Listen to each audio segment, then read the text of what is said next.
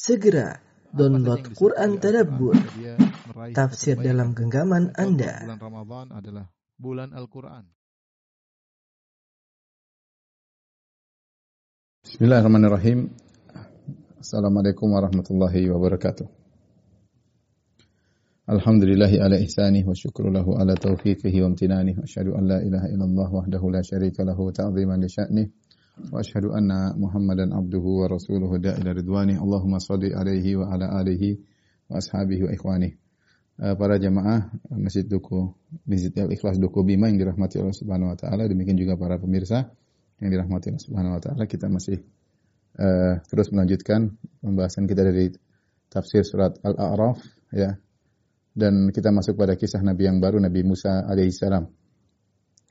Allah Subhanahu wa taala berfirman, "Tsumma ba'athna min ba'dihim Musa biayatina ila fir'auna wa mala'ihi fadhalamu biha fanzur kaifa kana 'aqibatul mufsidin." Ayat 103 kata Allah Subhanahu wa taala, kemudian kami mengutus setelah mereka Musa dengan ayat-ayat kami kepada Fir'aun dan pembesar-pembesarnya Fadzalamu biha maka mereka mendolimi uh, uh, ayat-ayat kami tersebut. Fanzur kaifa kana aqibatul mufsidin dan lihatlah bagaimana itu mereka mengingkari ayat, ayat tersebut, lihatlah bagaimana akibat orang-orang berbuat kerusakan. Allah buka ayatnya dengan summa ba'atna min ba'dihi Musa. Kemudian kami mengutus setelah para nabi tersebut telah Musa. Allah menggunakan kata summa ya e, karena memang jaraknya jauh. Kita tahu Nuh, kemudian nabi-nabi sebelumnya adalah Nuh, kemudian Hud, kemudian Saleh, uh, kemudian uh, Lut, kemudian Shu'aib. Ya, itu nabi-nabi yang dan itu jaraknya tidak begitu jauh di antara mereka. Ya, artinya ada jarak, tetapi begitu langsung ke Nabi Musa sangat jauh sekali dari Nabi Shu'aib kepada Nabi Musa. Uh, uh, sangat jauh ya sangat jauh makanya Allah menggunakan thumma kemudian uh, Bedanya juga di sini Allah menggunakan thumma ba'athna, kami mengutus. Adapun sebelum-sebelumnya Allah mengatakan wa ila adin akhahum, kepada adin, kepada kaum ad kami kirim saudara mereka.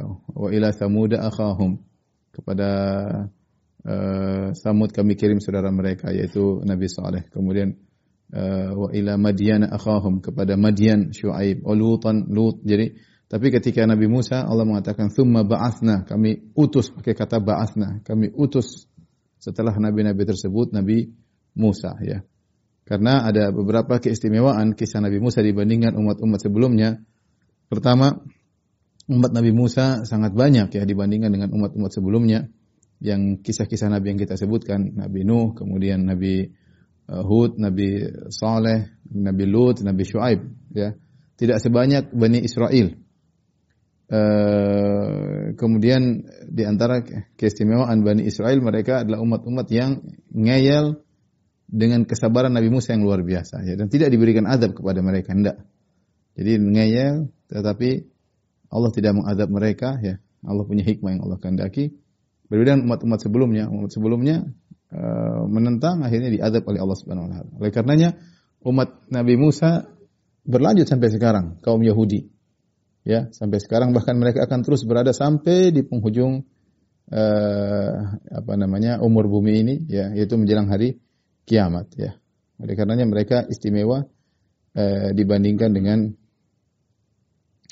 eh, umat-umat uh, sebelumnya Allah Subhanahu wa taala berfirman summa ba'athna min ba'dihim uh, Musa biayatina dengan ayat-ayat kami yaitu dengan mukjizat-mukjizat ya yang kami siapkan kepada Nabi Musa. Allah tidak pernah menyebutkan mukjizat. Allah selalu menyebutkan dengan nama ayat-ayat. Ya sama maknanya. Orang sekarang istilahkan dengan mukjizat. Mukjizat itu artinya tantangan yang orang tidak mampu untuk mendatangkannya. Ayat-ayat tanda-tanda. Sebenarnya ayat-ayat maksudnya tanda-tanda yang membuktikan bahwasanya Musa adalah seorang rasul atau utusan Tuhan. Itu disebut dengan ayat. Dan ayat-ayat Allah banyak ya. Ada ayat-ayat yang menunjukkan Uh, kauni yang menunjukkan adanya Tuhan, ada ayat-ayat yang menunjukkan Tuhan di antaranya mukjizat para nabi. Mukjizat para nabi ini menunjukkan ada Tuhan, maka disebut dengan ayat. Kenapa disebut ayat-ayat yang menunjukkan adanya Tuhan? Karena nabi-nabi ini datang dengan suatu mukjizat yang uh, khariqul adah yang berlawanan atau keluar daripada uh, sunatullah dari aturan alam ya. Keluar daripada aturan aturan alam yang tidak mungkin bisa melakukan perubahan tersebut kecuali Allah Subhanahu wa taala. Contohnya seperti uh, mukjizat Nabi Musa di mana kayu bisa berubah menjadi ular ya. Ini tidak ada yang bisa bikin kecuali Allah Subhanahu wa taala ya. Maka mukjizat disebut dengan ayat oleh Allah Subhanahu wa taala Salah satu bukti adanya Tuhan adalah mukjizat atau Allah sebut dengan ayat. Ayat maksudnya dalil, alamat, bukti bahwasanya Tuhan itu ada. Dari sisi mana? Dari sisi alam semesta ini punya aturan-aturan, sunan kauniyah, aturan yang Allah bikin, hukum sebab dan akibat. Tetapi Allah bisa rubah ya hukum sebab akibat tersebut eh, yang menunjukkan bahwasanya yang membuat aturan ini yang bisa merubahnya. Berarti ada yang membuat aturan ini dan dia bisa merubahnya. Contohnya seperti kayu dirubah menjadi ular. Ini keluar daripada aturan alam, ya, aturan alam. Kayu bisa berubah jadi hewan tuh nggak bisa ya. Yang bisa bikin gitu siapa? Yang bikin aturan. Yang bikin aturan dia bisa merubah aturannya. Dialah Allah Subhanahu Wa Taala. Contoh seperti uh, api Nabi Ibrahim. Api kan membakar, tidak ada api buat dingin. Tetapi ketika Ibrahim yang dilempar, Allah rubah. Ya anaru kuni bardan wasalaman ala Ibrahim. Wahai api, jadilah engkau dingin dan keselamatan bagi Ibrahim. Berarti ada Tuhan. Makanya uh, mukjizat-mukjizat para nabi disebut dengan ayat. Disebut dengan ayat. Ayat secara bahasa Arab artinya tanda, alamat. Alamat apa? Alamat yang menunjukkan uh, adanya Tuhan pencipta alam semesta ini, pengatur alam semesta. Dan ayat-ayat Allah banyak. Di antaranya mukjizat Nabi ini salah satu. Di antaranya alam semesta. Uh, apa, namanya uh, matahari rembulan yang berada pada edarannya yang terbit pada waktunya terbenam pada waktunya Eh, cahaya matahari yang tidak pernah pudar dan semuanya itu adalah tanda bahwasanya ada yang mengatur. Itu apa namanya? Tuhan. Di sini Allah mengatakan bi ayatina kami utus Musa dengan ayat-ayat kami dengan tanda-tanda mukjizat-mukjizat yang menunjukkan adanya Tuhan. Kepada siapa? Ila Fir'aun. Kepada Fir'aun. Siapa Fir'aun? Fir'aun adalah uh, gelar bagi raja-raja Mesir dari suku Akbat. Sebagaimana lakop itu gelar sebagaimana uh, kalau raja Persia disebut dengan Kaisar, uh, raja Persia disebut Kisra, kalau raja Romawi disebut Kaisar, kalau raja Habasyah disebut Najasyi, ya. Kalau raja Yaman disebut Tubba, ya. Kalau seperti sekarang kalau uh, penguasa negara republik disebut presiden ya itu jadi gelar. Kalau di Indonesia raja ya atau di Jogja disebut sultan ya ini namanya itu gelar, tapi namanya sendiri berbeda ya. Namanya sendiri berbeda ya. Jadi Firaun bukan nama, Firaun adalah gelar ya. Firaun adalah eh, gelar. Seperti eh, yang penguasa kerajaan Arab Saudi namanya raja ya. Sekarang raja Salman ya. Tapi raja ya. Jadi Firaun itu seperti raja. Bukan nama, tapi dia adalah gelar ya. Sebagaimana Kisra, sebagaimana Kaisar, sebagaimana Sultan, sebagaimana Najasyi ya dan sebagaimana eh, gelar-gelar uh, penguasa yang yang lainnya. Uh, kemudian kata Allah, uh, kami utus Musa kepada Fir'aun wa malaih dan kepada pembesar-pembesarnya. Ya. Tentunya uh, mereka disebut secara khusus Fir'aun dan pembesar-pembesarnya ya karena yang lain hanya ngikut mereka. Rakyat secara umum hanya ngikut kepada mereka, mereka ini hanya mengikuti Fir'aun dan pembesar-pembesarnya. Dan mereka lah yang uh, pokok dalam mengatur kerajaan Mesir, Fir'aun dan pembesar-pembesarnya tersebut sehingga disebutkan secara khusus Firaun dan pembesar-pembesarnya karena semua keputusan di tangan mereka. Kata Allah fadzalamu biha, mereka pun menzalimi ayat-ayat tersebut. Jadi fadzalamu fadzalamu biha ini tidak secara secara bahasa fadzalamu biha zalamu tidak pas digabung dengan, kata biha ya. Tidak pas makanya di sini ada uslub tadmin, ada fiil yang di, di terkandung dari kata zalamu sehingga para ulama mentakdirkan maksudnya fadzalamu anfusahum kafirina biha. Mereka menzalimi diri mereka sendiri dengan kafir kepada ayat-ayat tersebut. Karena yang cocok dengan biha adalah kafirin. Jadi ditakdirkan dan ini sering kita sebutkan namanya uslub tadmin dan ini dalam Al-Qur'an banyak. Sudah pernah saya contohkan beberapa tafsiran ayat ya. Karena fadzalamu zalamu biha itu enggak pas secara kata kata gandengnya enggak pas. Berarti ada kata kerja verbal yang terkandung dalam verbal ini. Jadi verbal ini mengandung verbal yang lain namanya tadmin. Eh, fadzalamu maksudnya adalah fadzalamu anfusahum kafirina biha mereka pun menzalimi diri mereka dengan kafir kepada ayat-ayat tersebut dengan kafir kepada ayat-ayat tersebut kata Allah, "Fanzur kaifa kana akibatul mufsidin." Dan lihatlah bagaimana kesudahan orang-orang berbuat kerusakan. Jadi ini uh, Allah tidak mengatakan lihatlah fanzur kaifa kana akibatuhum, lihatlah bagaimana akibat kesudahan mereka, tapi Allah tidak mengatakan hum, mereka Allah mengganti mereka dengan al-mufsidin. Lihatlah bagaimana kesudahan orang-orang yang merusak. Karena kezaliman itu melaz, uh, mengkonsekuensikan ada pengerusakan. Ya, karena mereka berbuat zalim berarti mereka melakukan kerusakan. Sudah pasti. Ya sudah pasti. Ke kezaliman menimbulkan kerusakan. Maka cukup Allah memberikan sifat yang lain selain mereka zalim. Allah sebutkan sifat mereka yaitu al-mufsidin melakukan uh, uh, kerusakan ya. Taib, uh, ini secara global Allah kasih mukadimah ayat meringkas apa yang akan kita baca setelah ini. Baru kemudian Allah masuk dalam detail. Itu di antara metode ya dalam Al-Quran terkadang menyampaikan satu kesimpulan. Ya, Thumma ba'athna min ba'dihi Musa ila Fir'auna wa mala'ihi bi ayatina bi ayatina ila Fir'aun. Thumma ba'athna Musa thumma ba'athna min ba'dihi Musa bi ayatina ila Fir'auna wa mala'ihi fa dhalamu biha fanzur kaifa kana akibatul mufsidin. Kemudian kami mengutus setelah para nabi-nabi sebelumnya, kami mengutus Nabi Musa dengan ayat-ayat kami kepada Fir'aun dan uh, pembesar-pembesarnya. Kemudian mereka berbuat zalim kepada diri mereka sendiri dengan kafir kepada ayat tersebut. Uh, lihatlah bagaimana kesudahan mereka. Artinya mereka hancur. Ini kesimpulan. Nah sekarang baru Allah, Allah masuk dalam detailnya. Bagaimana kisahnya berikut ini ya. Waqala Musa, Allah berkata, Waqala Musa, Ya Fir'aun inni rasulun min rabbil alamin. Ya. Berkata Musa, wahai Fir'aun, sungguhnya aku adalah utusan dari Rabbul Alamin. Di sini Nabi Musa mengatakan, ya Fir'aun, adalah bentuk uh, penghormatan kepada Fir'aun, mengambil menyebutnya dengan sesuai gelarnya. Karena Allah telah memerintahkan Nabi Musa untuk berkata-kata lembut kepada Fir'aun. Faqula lahu qawlan layyinan la'allahu yatadhakkar aw yakhsha.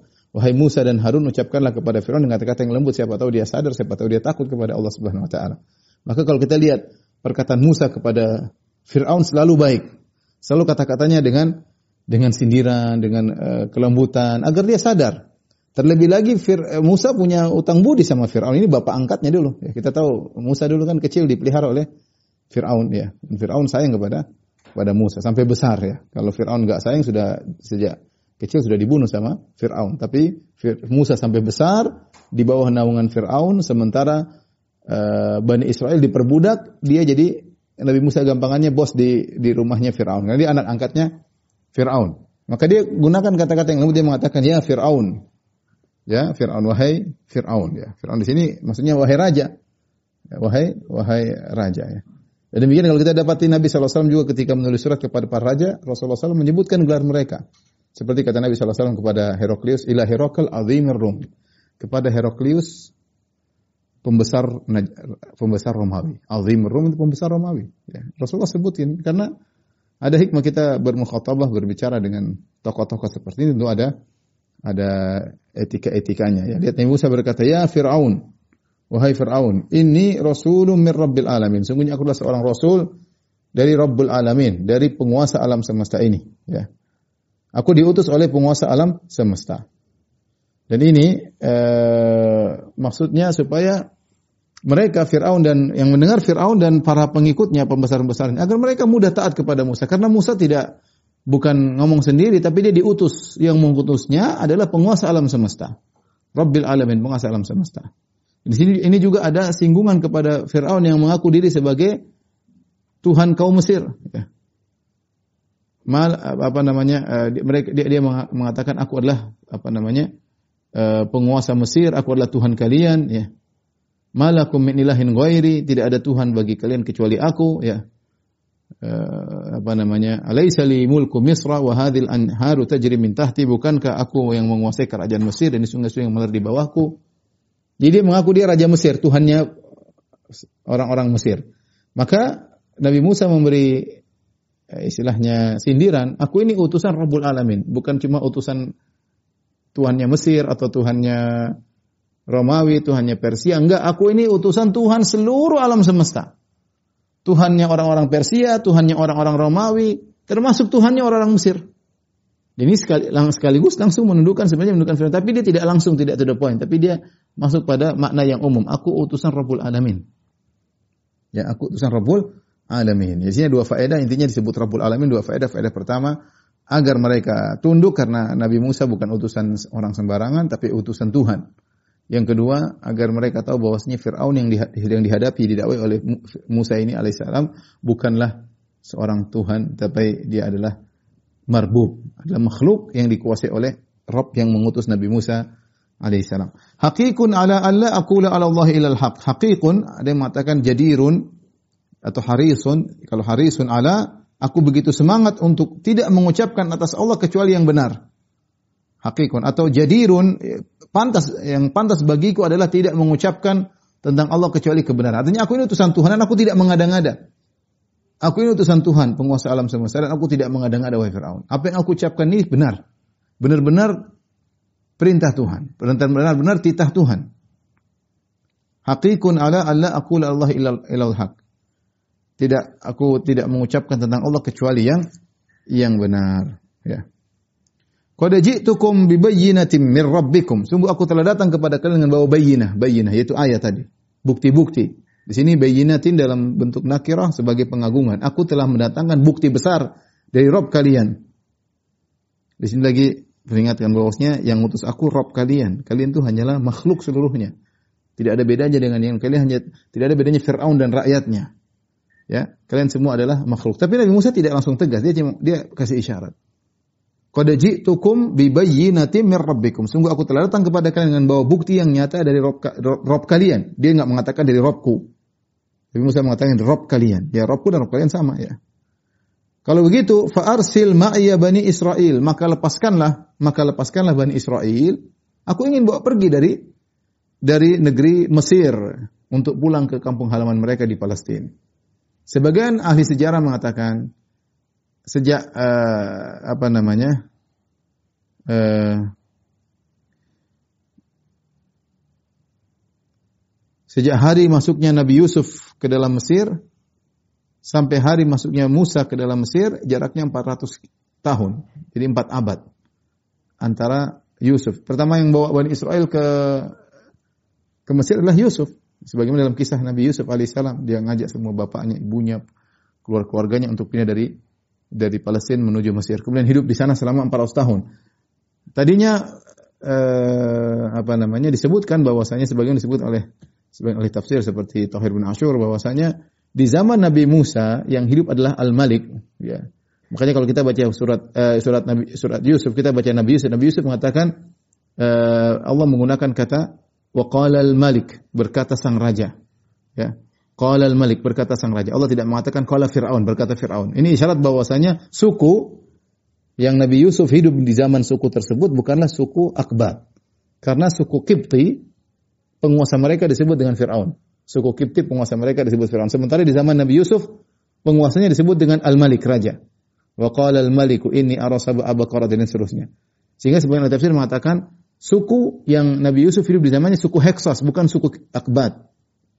Dan mereka memuliakan Nabi Yusuf alaihissalam dengan keluarga. Sampai Nabi Yusuf alaihissalam meninggal bersama saudara-saudaranya yaitu Asbat, 12 orang seluruhnya meninggal. Kemudian terjadi pergolakan sehingga suku Heksos diusir, masuklah suku Akbat. Nah, sejak suku Akbat atau suku Kipti tersebut, maka penguasanya dikenal dengan Fir'aun. Panggilannya berbeda. Sukunya berbeda. Nah, dari situ muncul Fir'aun pertama, Fir'aun kedua, dan seterusnya entah Ramses apa namanya eh, yang Fir'aun di zaman Musa, Fir'aun keberapa kita tidak tahu. Tapi intinya, intinya setelah perubahan kepenguasaan, kekuasaan, maka akhirnya suku Bani Israel disiksa, diperbudak diperbudak, ya, kemudian ditindas, ya. Dan itu kerjaan Fir'aun kepada mereka. Mereka punya lahan sendiri, dikasih lahan sejak zaman suku Heksos. Setelah uh, Nabi Yusuf meninggal, akhirnya muncul penguasa baru, akhirnya mereka diintimidasi, disiksa, dijadikan budak. Maka Allah mengutus Nabi Musa untuk menyelamatkan mereka. Nabi Musa tidak sedang memerangi Nabi memerangi Firaun tidak. Nabi Musa tidak sedang mengatakan, "Nih Firaun kau mundur, saya yang jadi raja." Enggak. Dia tidak bicara tentang masalah kerajaan Firaun. Dia cuma nyuruh Firaun beribadahlah kepada Allah. Kalau kau tidak mau, enggak apa-apa, ya. Tapi saya mau bawa pergi Bani Israel karena saya diutus kepada Bani Israel. Ya. Dia ingin bawa Bani Israel keluar dari dari Mesir menuju Palestina. Ya. Uh, makanya Musa berkata, "Fa'arsil ma'iya Bani Israel." Utuslah, lepaskanlah Bani Israel uh, kepadaku. Apa kata Fir'aun? Qala in kunta ji'ta bi ayatin fa'ti biha. Kalau memang kau punya bukti bahwasanya kau adalah utusan Tuhan, datangkanlah bukti tersebut. Jadi subhanallah apa namanya? Eh, Nabi Musa tidak langsung menunjukkan bukti, tapi dia pancing dulu. Saya telah punya bukti, saya utusan Tuhan. Kalau gitu lepaskan Bani Israel. Kata Fir'aun terpancing. Qala in kunta ji'ta bi ayatin fa'ti biha in kunta minas. Kalau memang kau punya bukti datangkan. Ya. Maka Nabi Musa kemudian menunjukkan bukti mukjizat yang dia miliki. Fa'alqa asahu fa idza hiya thu'banun mubin.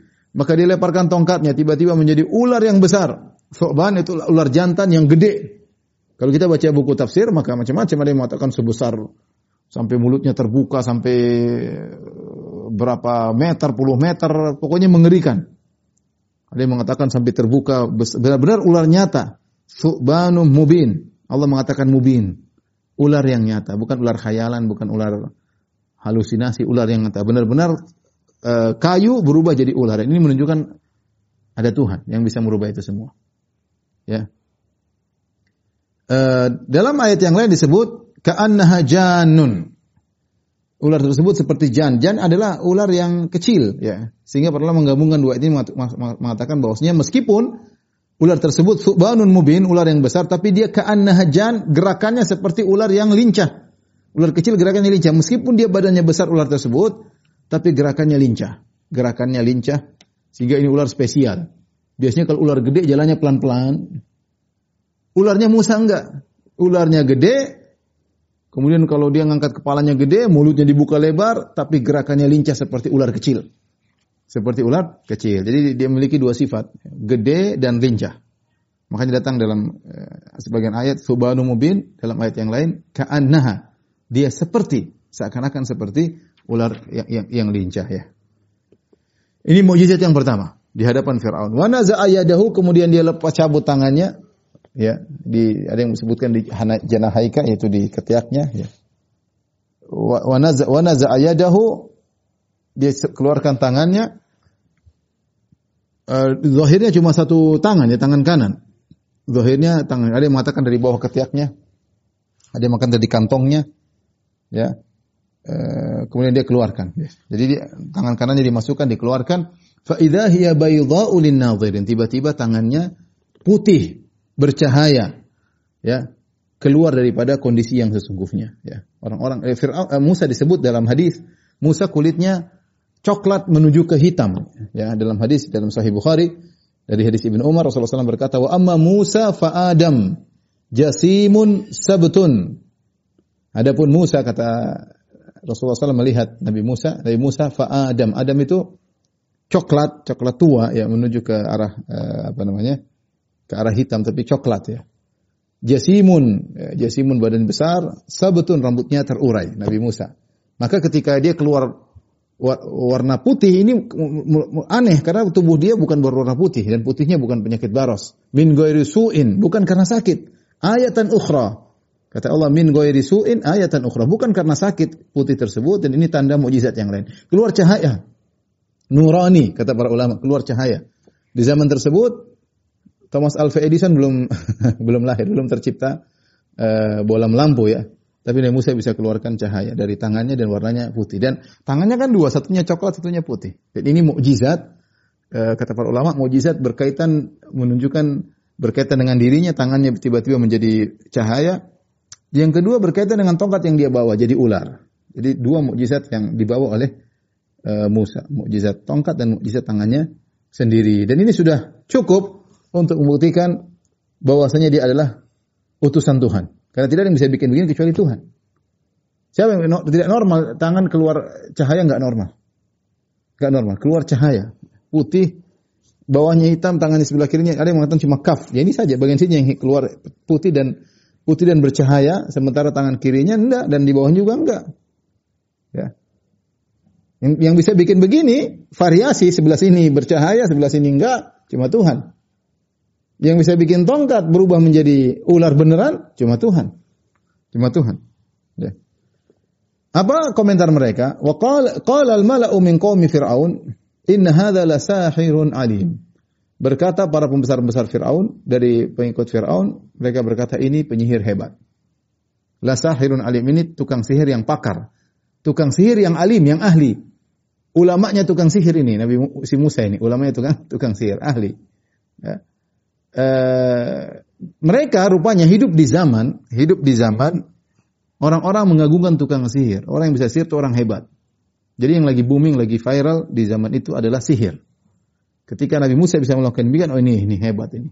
Tapi mereka mengatakan tersebut bukan untuk mengakui Musa. Harusnya mereka mengagungkan Musa sebesar-besarnya harusnya. Tetapi karena Musa mengatakan dia utusan Tuhan, ini masalah. Seharusnya, seharusnya mereka mengagungkan Musa karena semakin jago sihir semakin dia dikagumi ketika itu. Tapi masalahnya Musa tidak mengatakan dia penyihir. Masalahnya Musa mengatakan dia utusan Tuhan. Ini jadi masalah. Seandainya dia mengatakan saya penyihir sudah, dia akan diagungkan oleh Firaun sebesar-besarnya, seagung-agungnya. Maka mereka berkata, "Inna hadza la sahirun alim." Ini penyihir yang hebat. Yuridu ay yukhrijakum min ardikum, famadza ta'murun? Ya, sungguhnya dia ingin mengeluarkan kalian dari negeri kalian. Apa yang kalian perintahkan? Bagaimana menurut kalian? Kata kata Firaun, "Famadza ta'murun?" Kalau gitu apa menurut kalian? Wahai pembesar-pembesarku. Ya. Mereka kenapa mereka mengatakan Musa ingin mengeluarkan kalian dari negeri kalian? Ada yang mengatakan uh, seperti bin Asyur ada tiga kemungkinan. Mungkin mereka mengatakan ini Musa, ya. Uh, kalau kemudian apa dia ajak keluar Bani Israel, semua ikut dia, kemudian dia pindah, dia bikin kerajaan baru yang akan berperang dengan kita suatu saat karena mereka dendam. Ini sudah kita siksa 300 tahun. Jadi mereka akan dibawa oleh Musa bikin kerajaan baru dan kalau dia sudah nyerang kita, kita akan bisa terusir. Karena mereka akan bisa kekuatan. Jadi jangan jangan ikuti dia. Dia ini ngajak Bani Israel keluar untuk bikin kerajaan menyerang kita kemudian di kemudian hari. Ini pendapat pertama. Pendapat kedua, uh, seakan-akan mereka berkata ini bahaya. Kalau dia orang-orang pada beriman sama dia, semua suku Kipti beriman sama dia, maka sama saja kita akan terusir. Fir'aun, sang raja akan terusir, para pengusaha besar akan terusir. Jadi sihir dia ini akan mengantarkan kepada pengusiran kita. Uh, kemudian yang, yang ketiga dia mengatakan bahwa sebagian uh, apa namanya suku-suku Bani Israel ada yang diangkat sebagai pembesar-pembesar di di kerajaan Firaun sehingga kalau mereka keluar mereka akan keluar negeri kalian. Jadi ini tiga tafsiran ya disebut oleh para ahli tafsir. Apa maksudnya yuridu ayyukhrijakum min ardikum famadza ta'murun? Si Musa ini ingin mengusir kalian dari negeri kalian dan lihat bagaimana provokasi mereka yang hebat. Mereka ingatkan tentang cinta negeri. Cinta negeri adalah suatu yang perkara yang uh, fitrah seorang suka dengan negerinya, suka di kampung halamannya, apalagi dia hidup lama di situ, tempat lahirnya di situ, tumbuh berkembang di situ, hartanya di situ, kekayaannya di situ, istri anaknya di situ ya. Terus suruh keluar itu perkara yang berat. Mau pergi ke tempat lain mulai dari nol, mulai dari nol enggak. Ya. Makanya mereka memprovokasi Musa ini ingin mengusir kalian. Padahal Musa tidak mengatakan demikian. Musa sederhana. Itu Bani Israel saya bawa pulang ke kampung saya. Selesai. Kalian tindas 300 tahun. Tertindas, tersiksa. Saya mau bawa pulang. Tapi mereka ini provokator. Provokator untuk menggambarkan sesuatu yang tidak bukan begitu. Musa tidak tidak ingin menggulingkan Fir'aun. Musa tidak ada bicara penggulingan dan Allah tidak mengutus dia untuk menggulingkan Fir'aun. Tidak. Musa tidak pernah bicara Fir'aun angkat saya sebagai menteri, angkat saya sebagai... Tidak, dia tidak bicara tentang kekuasaan sama sekali. Dia ngajak Bani Israel untuk pergi, untuk bisa beribadah kepada Allah terlepas dari cengkeraman Fir'aun. Ya, agar tidak ditindas, diperbudak. Itu saja tujuannya. Tetapi rupanya para pembesar Fir'aun ini pintar dan mereka memprovokasi. Seakan-akan kalau dilepaskan Bani Israel maka ini berbahaya. Maka berbahaya bagi kita, kita akan terusir cepat atau lambat. Ya. Kalau gitu, famada tak murun. Kata Fir'aun, kalau gitu bagaimana menurut kalian? Famada tak murun. Maksudnya ini musyawarah. Apa bagaimana menurut kalian apa yang harus kita uh, lakukan? Qalu arjih wa akhahu. Mereka berkata kepada Firaun arjih wa akhahu yaitu arjihhu wa akhahu. Arjihhu wa akhahu. Asalnya arjihhu wa akhahu yaitu tunda dia jangan tahan dia atau apa namanya jangan dibunuh ya. Kita lihat dulu biarkan apa tahan dulu ya. Kita lihat dulu jangan segera memberi keputusan tentang mereka berdua. Ya, jangan segera memberi keputusan tentang mereka berdua. Ya. Apa kita punya ide kata kata mereka? Wa arsil fil ini hasyirin ya.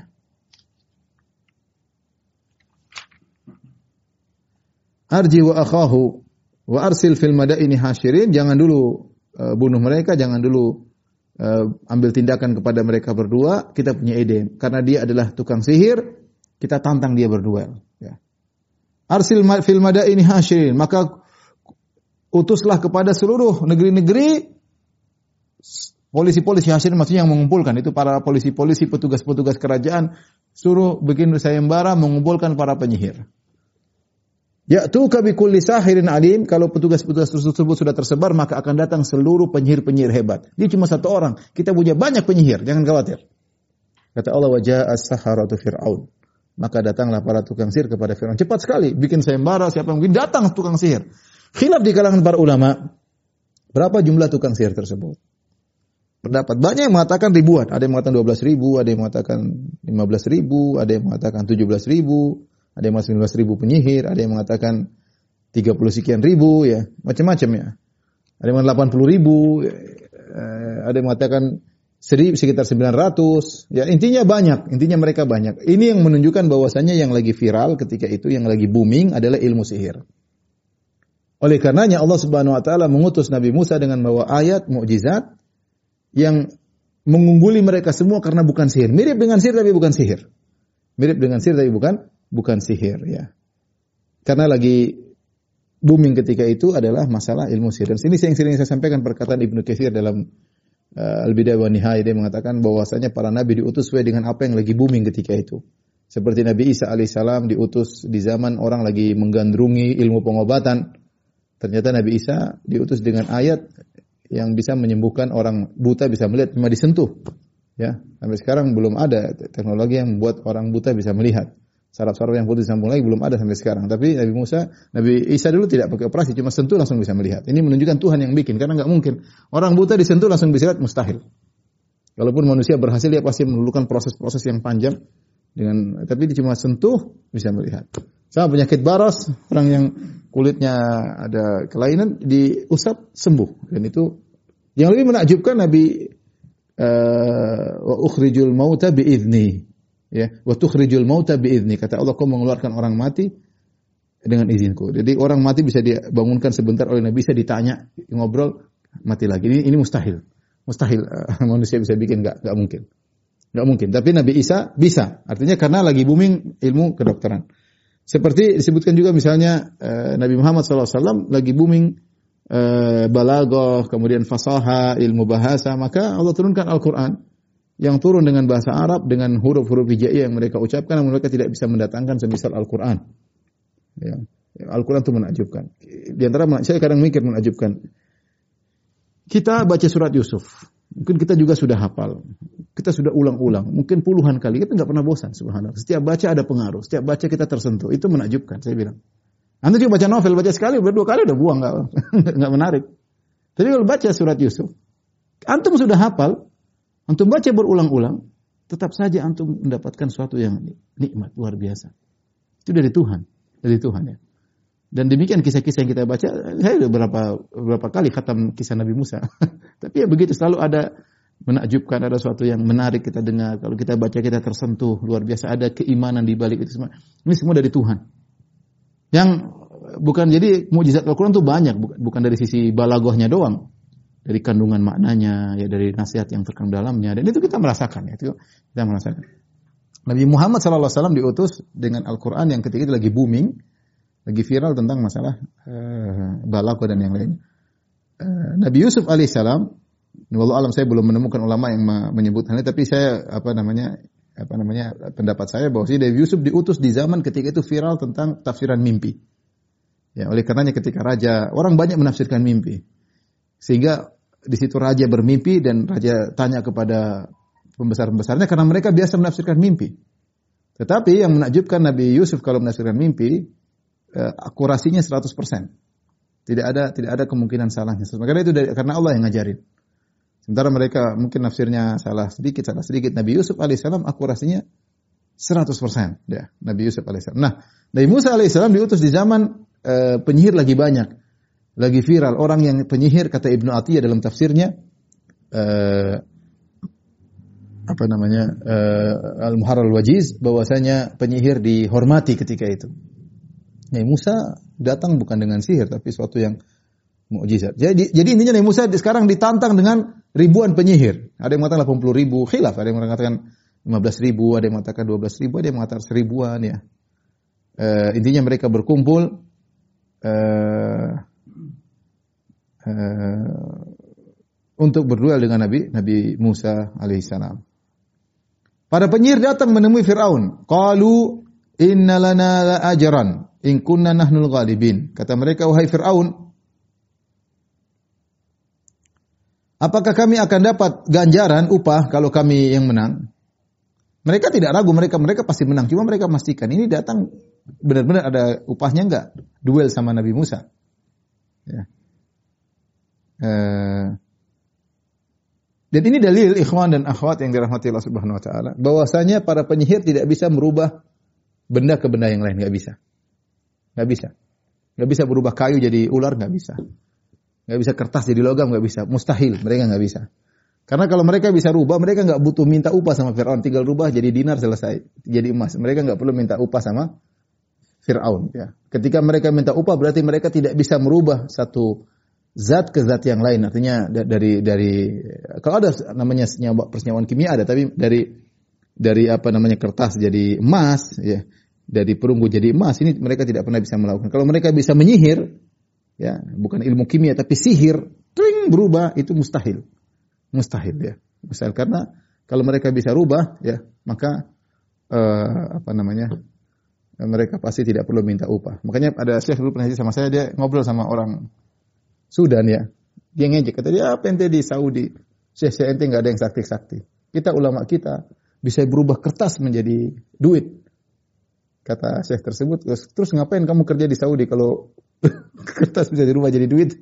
Udah pulang kampung aja tinggal rubah kertas jadi duit ngapain kerja jauh-jauh ya itunya ya ini enggak ya. ya seperti itu jadi enggak ada tapi kalau namanya penipu ya banyak juga harus kasih modal dulu nanti digoyang-goyang jadi banyak dan banyak yang ketipu ya. Tapi intinya enggak ada namanya eh, sihir dari sesuatu. Enggak ada menjadi ada tuh enggak ada mustahil. Ini enggak ada nih. Tahu-tahu keluar duit itu enggak ada. Atau merubah satu benda ke benda lain langsung ya bukan proses ya langsung itu mustahil. Makanya mereka minta duit sama Fir'aun. Kata Fir'aun ketika ditanya, ada enggak gajinya? Kata Fir'aun, Qala na'am, iya ada. Wa innahukum laminal muqarrabin. Bukan cuma dapat gaji, wahai para penyihir. Kalian akan menjadi orang-orang dekatku.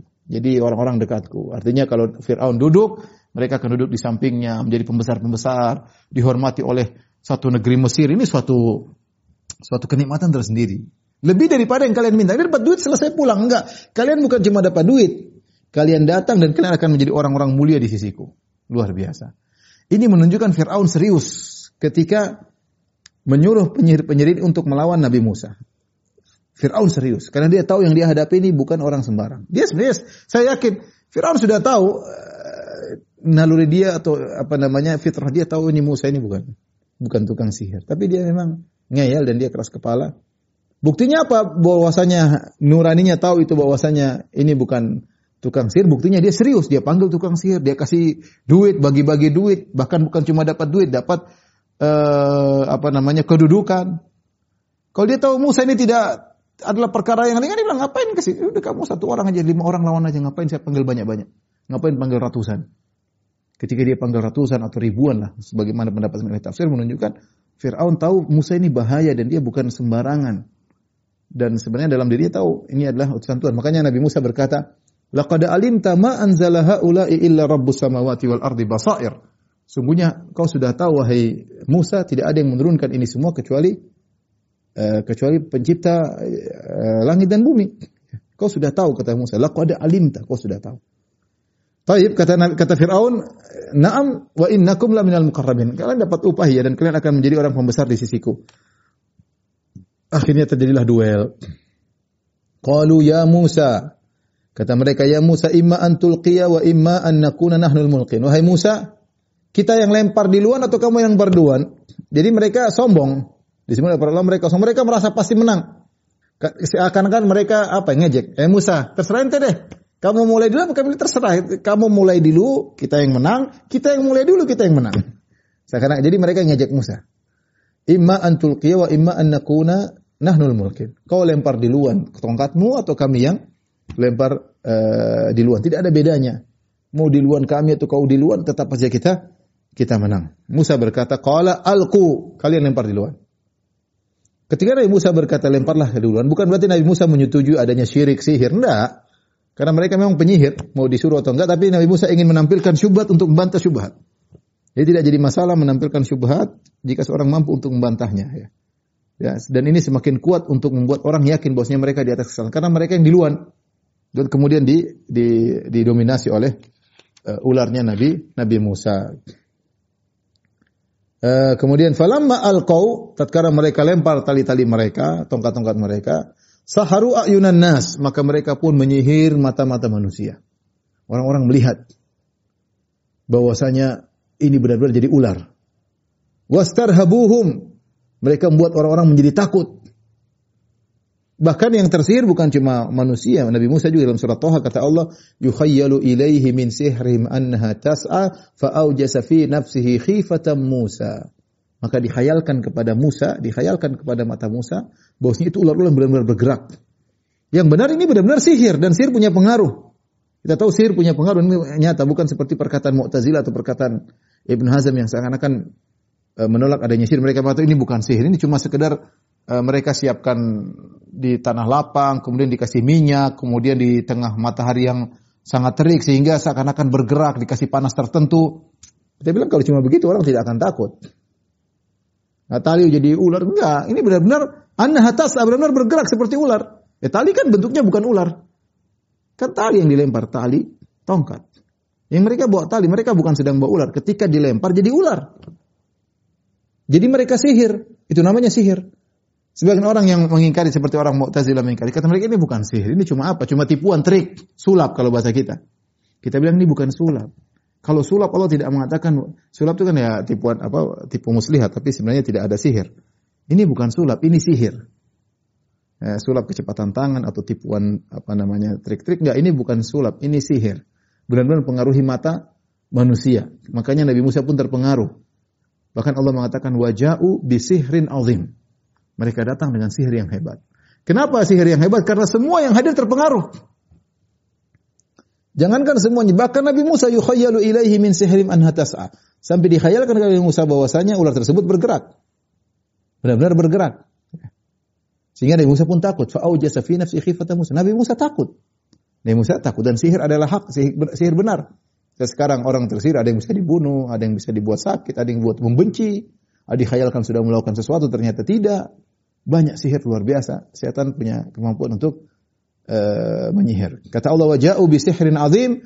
Maka mereka datang dengan sihir yang hebat. Wa auhayna ila Musa an alqi asaq. Kami wahyukan kepada Musa, lemparkanlah tongkatmu. Ya, Musa pun lempar.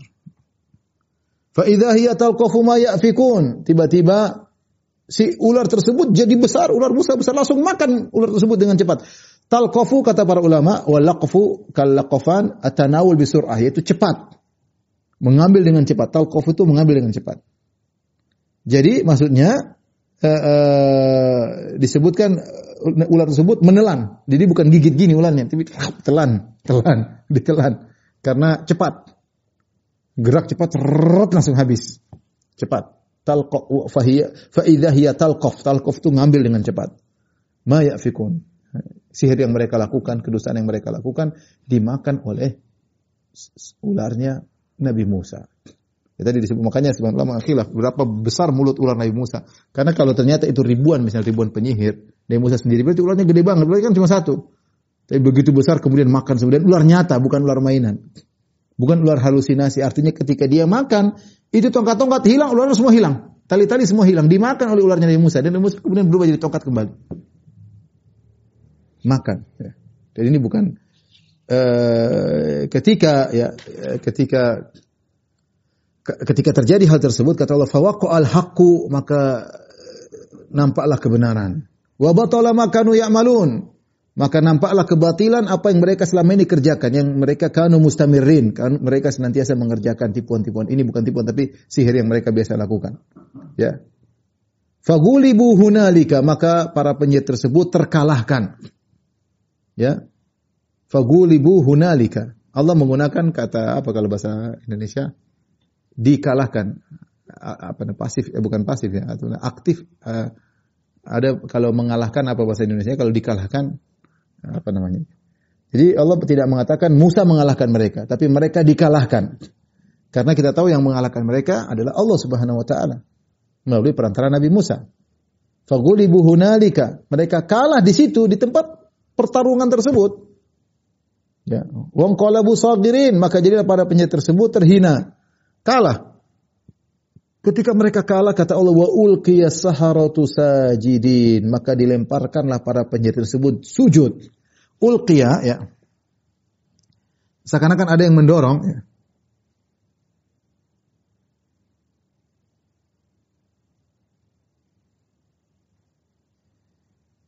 Jadi kalau ulqiya seakan-akan ada yang lempar mereka, ada yang dorong mereka dari belakang mereka sujud ya. Padahal tidak ada yang mendorong, tapi mereka serta merta langsung sujud serta merta langsung sujud. Kenapa? Karena mereka kaget dengan terpukau dengan mukjizat Nabi Musa. Mereka pakar sihir, mereka tahu sihir kayak apa. Mereka tahu ini bukan sihir. Seperti kata orang tidak tahu sihir kecuali tukang sihir juga. Ini mereka tahu ini bukan sihir. Kalau sihir mereka tahu ciri-cirinya. Ini nyata. Berarti ada Tuhan. Bagaimana kayu bisa rubah jadi ular yang gede dan makan sekaligus langsung dimakan semuanya dengan waktu yang singkat. Mereka seakan-akan karena kagum dengan Nabi Musa, mereka langsung sujud.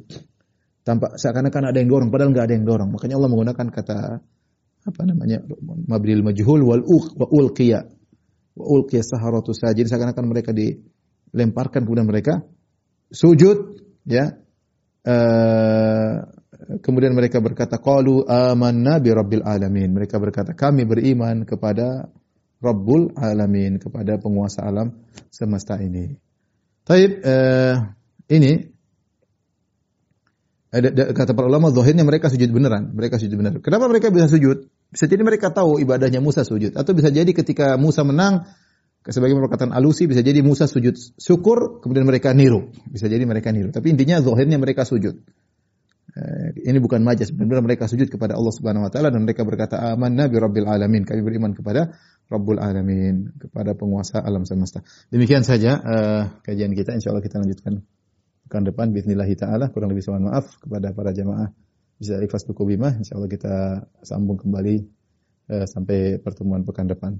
Wabillahi taufiq wal hidayah. Assalamualaikum warahmatullahi wabarakatuh.